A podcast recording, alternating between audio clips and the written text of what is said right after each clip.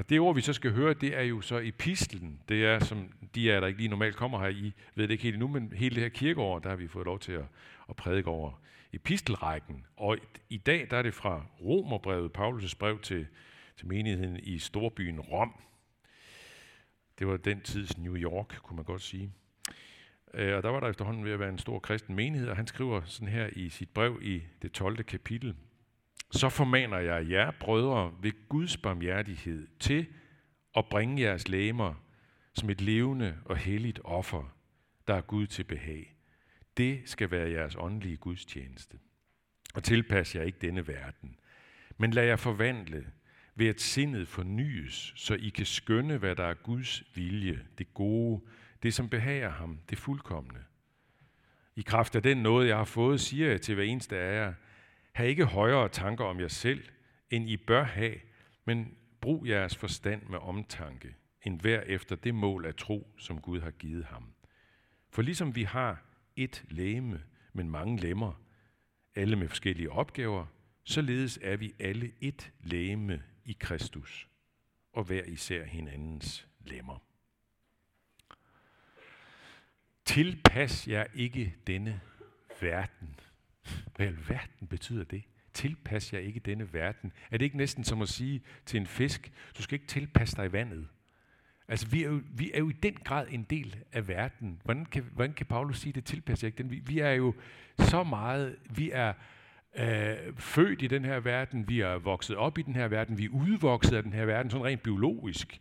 Øh, så er vi jo øh, faktisk en, en, en del af denne verden, rent biologisk bare. Vi er skabt øh, til dette skaberværk af skaberen selv.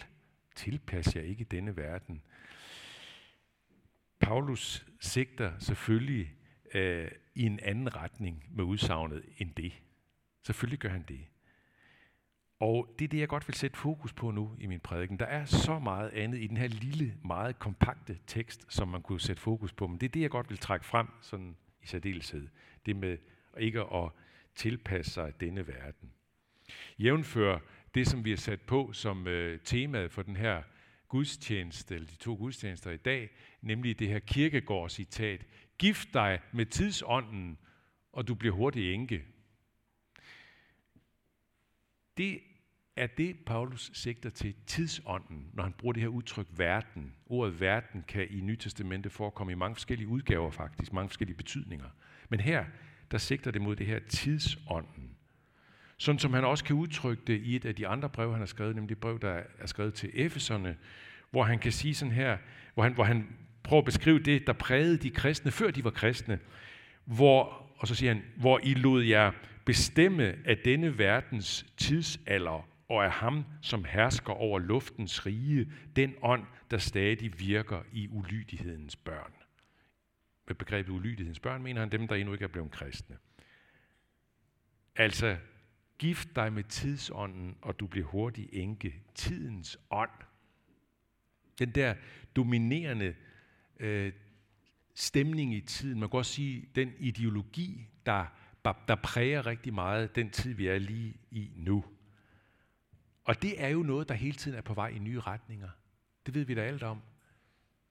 Øh, der er nogle af os, der er så gamle, så ej, det er de, måske de fleste af os i virkeligheden, at, øh, at vi med stor forbavselse, måske for at sige det mere præcis, med stor forfærdelse, har bevæget os, har oplevet, hvordan vi har bevæget os hen over maksimum 20-30 år, måske i virkeligheden kortere tid, har bevæget os fra sådan en bred, enig forståelse af menneskets identitet og virkelighed som noget, der meget fundamentalt er givet os fra fødslen.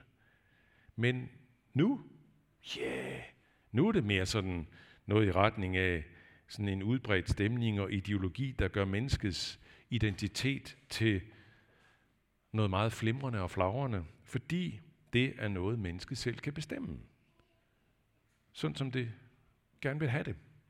For eksempel alene bare øh, i det, der lige nu er på spil i den nye regering, endda med en borgerlig del, konservativ del på en måde, øh, øh, hvor, hvor øh, man øh, taler meget om at lave et øh, lovudkast, som øh, giver plads til, at man kan øh, bestemme sin kønsidentitet allerede fra tidligste barndom, altså juridisk bestemme den, sådan som man synes, at det kunne være passende for en selv.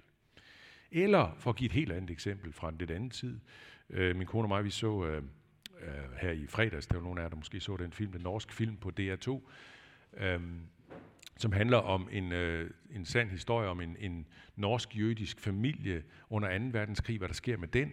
Og i den her film, der får man også et indblik i, i nogle nordmænd, som på nærmest ingen tid skiftede fra at have set deres naboer som gode norske medborgere, til øh, at betragte dem som menneskeligt affald, der bare skulle smides ud. Ikke fordi det blev den, den dominerende stemning i Norge, det gjorde det faktisk ikke. Men der var nordmænd, som på ingen tid kunne, ja, hvor tidsånden skiftede fuldstændig for dem. Tidsånden skifter, som vinden skifter. Men bag tidsånden er jo altid den samme ånd. Det der, som jeg citerede før fra Efterbrevet, det som Paulus kalder for herskeren over luftens rige. Det er sådan et lidt sjovt udtryk, men det giver virkelig god mening. Det rammer faktisk meget godt. Luftens rige, altså det der luftige, det der flimrende og flagrende, det der omskiftelige noget, der sådan kan bevæge sig i alle mulige retninger. Og som jo kommer fra ham, der aldrig nogensinde selv har kunne skabe den solide virkelighed, sådan som skaberen kan. Men ham, som kun kan på en måde æde sig ind på den virkelighed, der findes, eller gøre den luftig, formindske den, reducere den, gøre det solide luftigt, gøre sandheden til løgn. Tilpas jer ikke denne verden. Det er noget af det, Paulus har i sigte, når han siger det. Tilpas jer ikke denne tidsånd. Og jeg tror, Paulus han rammer noget, som vi meget godt kan mærke er fuldstændig relevant for os. Selv hvis vi, når vi, hvis vi, det er jo ikke sikkert, at alle herinde gør det, men hvis vi tilslutter os den kristne tro, og en del af Kristi læme, sådan som Paulus også siger det i den her tekst, ikke?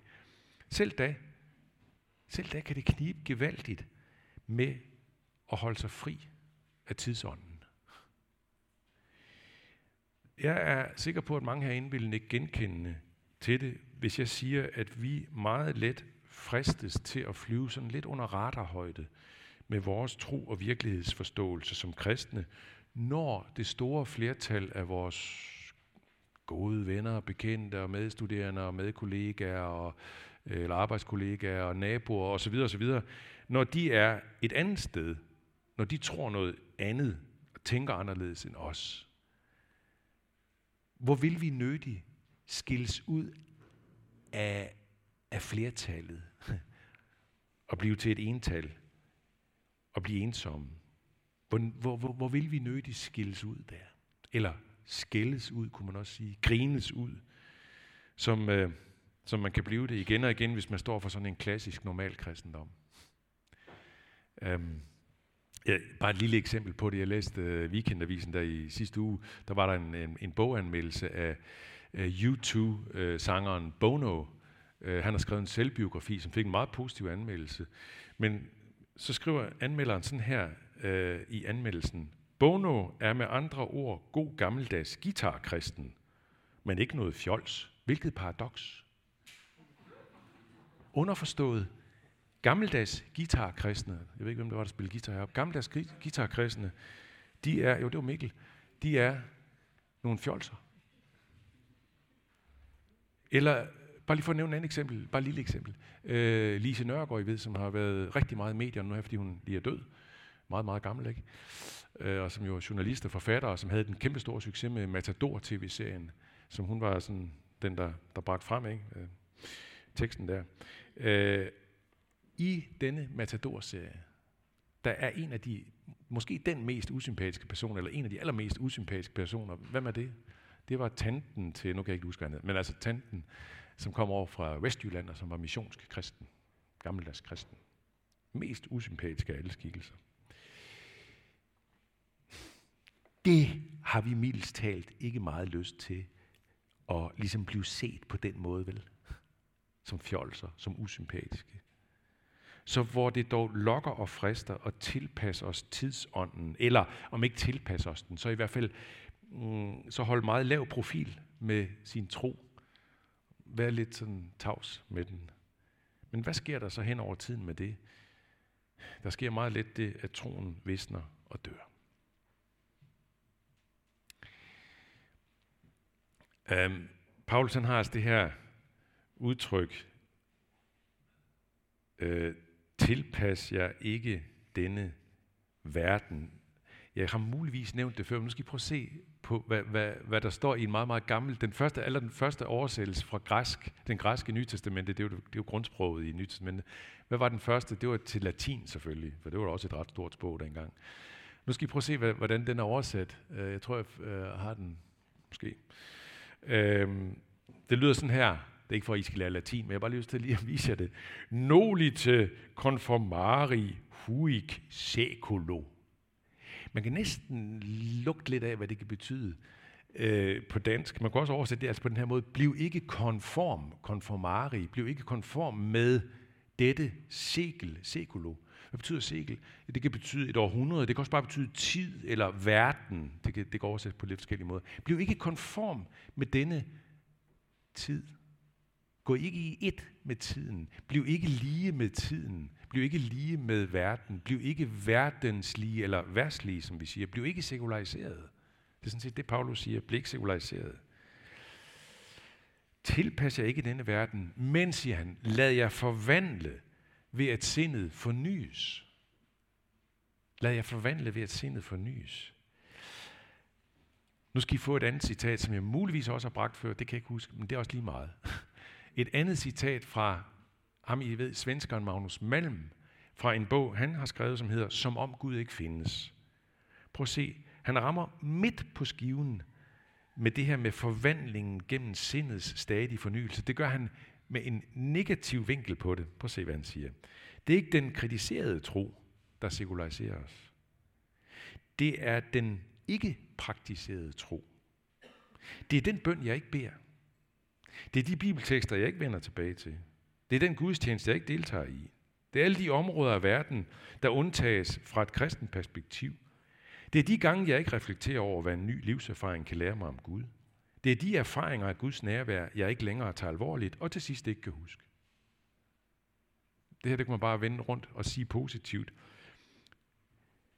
Sindet fornyes, vi forvandles, så vi går i en modsat retning af at tilpasse os tidsånden.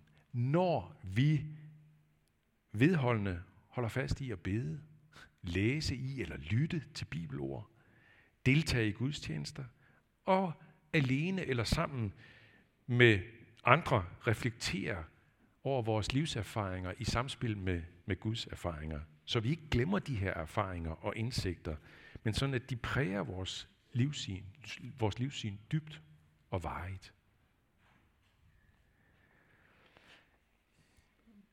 Paulus han giver også øh, sindsfornyelsen en meget praktisk vinkel. Selvom det måske umiddelbart lyder meget sådan åndeligt højt ravende. Han siger sådan her, bring jeres læmer som et levende og helligt offer, der er Gud til behag. Det skal være jeres åndelige gudstjeneste. Det var sådan teksten startede i dag. Ikke? Bring jeres læmer som et levende offer, der er Gud til behag. Gisp, kan man godt lige tænke, hvad, hvad mener han med det? Altså mener Paulus virkelig, at vi skal sikre os Guds velbehag ved at ofre til ham? Er det? Er det sådan noget for noget? Overhovedet ikke. Så har vi glemt at læse resten af Romerbrevet, som jo kapitel efter kapitel handler om en ting, nemlig noget over noget.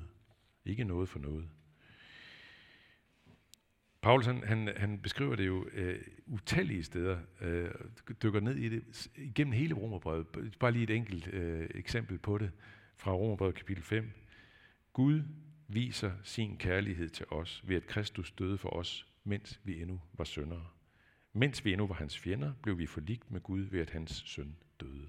Det er sådan, det vender. Så det er ikke noget med, at vi så, så skal vi komme med et offer, og så kan det være, at Gud han kommer til at elske os. Nej, come on, det er modsat. Så Paulus udtryk om at bringe vores læme som et offer, det er et billigt udtryk for, at vi skal takke Gud.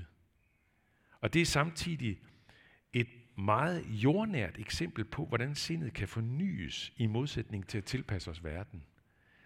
at bringe vores læme som offer, som vores åndelige gudstjeneste, bare lige øh, i en parentes, det her åndelig gudstjeneste, det her udtryk åndelig, det er faktisk en lidt uskarp oversættelse af, af det, der står på græsk. For det ord på græsk, som kun findes to gange i Nytestamentet, så det er et lidt mærkeligt ord, det betyder egentlig fornuftig. I den gamle 1931-oversættelse, som vi er nogle stykker herinde, der er vokset op med, men så kom jo der en ny ind i 90'erne, som de fleste af jer er vokset op med. Men i den gamle 31-oversættelse, der stod der den fornuftige gudstjeneste. Men det er også en lidt dårlig oversættelse. Et, det, det kan nemlig betyde noget lidt andet. Det kan betyde sand eller egentlig. Altså det, Paulus siger, det er, det skal være jeres sande gudstjeneste. Det skal være jeres egentlige gudstjeneste. Hvad er det, der skal være vores sande og egentlige gudstjeneste? Jo, det skal være, at vi bringer vores læme som et offer. Hvad, hvad mener han? Ja, det betyder simpelthen, at det skal være vores daglige, konkrete, praktiske liv, han sigter til her. Det skal ikke bare være sådan, det der med at takke Gud, det er ikke bare sådan noget rent spirituelt indvortes, noget der ligesom sker inde i mine følelser, og jeg har sådan et, et, noget, der svæver over dagliglivet der, som bare lever inde i mig selv. Nej, lægemets offer, og bringe det, det betyder det konkrete hverdagslivs hengivenhed for andre, og dermed for Gud. Som Jesus sagde det i en lignelse, der handler om den dag, hvor vi skal stå ansigt til ansigt med ham, og der bliver et opgør. Så siger han sådan her i den lignelse, prøv at se fra Matthæus 25. Kom, I som er min fars velsignede, og tag det rige i arv, som er bestemt for jer, siden verden blev grundlagt. For jeg var sulten, og I gav mig noget at spise. Jeg var tørstig, og I gav mig noget at drikke. Jeg var fremmed, og I tog imod mig. Jeg var nøgen, og I gav mig tøj. Jeg var syg, og I tog jer af mig. Jeg var i fængsel, og I besøgte mig. Da skal de retfærdige sige, Herre, hvornår så vi dig sulten og gav dig noget at spise, eller tørstig og gav dig noget at drikke? Hvornår så vi dig som en fremmed og tog imod dig, eller så dig nøgen og gav dig tøj? Hvornår så vi dig syg eller i fængsel og besøgte dig? Og kongen vil svare dem, sandelig siger jeg, alt hvad I har gjort mod en af disse mine mindste brødre, det har I gjort mod mig. Og han siger også det modsatte faktisk. Det er for dem, der ikke gjorde det. Alt hvad I ikke har gjort mod en af disse mindste, har I heller ikke gjort mod mig. Så Lad os forvandle med sindets fornyelse gennem vores daglige, ugentlige, almindelige hverdagsliv med gæstfrihed, varme, imødekommenhed, opmærksomhed og alt det her over for andre mennesker. Og hvor er det godt med den her praktiske vinkel på sindets fornyelse, på det at ikke at tilpasse denne verden. Det giver plads til os alle sammen. Det gør det let og muligt for os alle sammen faktisk. Let, det skal jeg måske ikke sige, men det gør det muligt for os i hvert fald. Det handler ikke om at, at klatre op af, af, af sådan en, en åndelig stige op til uanede højder. Nej, vores åndelige gudstjeneste, vores åndelige, vores sande gudstjeneste handler om det daglige, almindelige liv. Og for så bare lige at nu slutter jeg, men bare lige strejfe det sidste i teksten, som jeg har ladt ligge, men som i virkeligheden også hænger sammen med det her, det her med at være en del af lægemet. Det her daglige, almindelige liv, hvor vi uanset vores begævelse, uanset hvad vi har af indsigter, uddannelser, job og talenter og tankevirksomhed, at vi indser, uanset hvad, så indser vi, at vi er kun, jeg er kun et lem på det store læme. Vi er ikke noget uden hinanden. Vi er ikke rene individualister, der skal kunne klare det meste selv. Nej, det er vi ikke. Tilpas jer ikke denne verden og denne verdens tidsånd, som dyrker individets suverænitet. Indse, at I kun er et lem ud af utallige på det store Kristuslæme. Sikke befriende det dog i virkeligheden er, Tilpas jer ikke denne verden, men hold jer til Guds befriende virkelighed. Og derfor ender vi også med i dag at sige, lov, tak og evig ære være dig, hvor Gud, Far, Søn og Helligånd, som var, er og bliver en sand treenig Gud, højlovet fra første begyndelse nu og i al evighed. Amen.